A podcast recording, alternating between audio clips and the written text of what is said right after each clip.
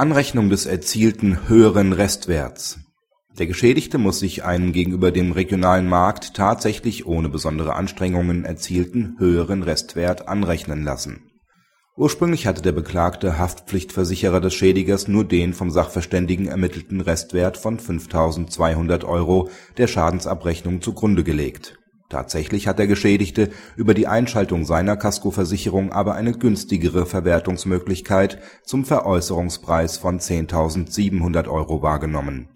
Die Differenz von 5.500 Euro verrechnet nun der Beklagte mit weiteren Schadenspositionen. Diese Verrechnung wird von den Instanzen mit Billigung des BgH für berechtigt angesehen es trifft zwar zu, dass der Geschädigte seiner Schadensabrechnung grundsätzlich den vom Gutachter auf dem allgemeinen regionalen Markt erzielbaren Restwert zugrunde legen kann, hat allerdings der Geschädigte ohne nennenswerten Aufwand mehr erzielt, muss er sich diesen höheren Betrag entgegenhalten lassen. Ansonsten würde er an dem Schadensfall verdienen. Diese Situation liegt vor. Besondere Anstrengungen hat der Geschädigte nicht entfaltet und dass seine Kaskoversicherung ihm diese günstigere Verwertungsmöglichkeit aufgezeigt hat, ändert daran nichts. Diese Versicherung dient dem Eigeninteresse an der Erhaltung des versicherten Fahrzeuges.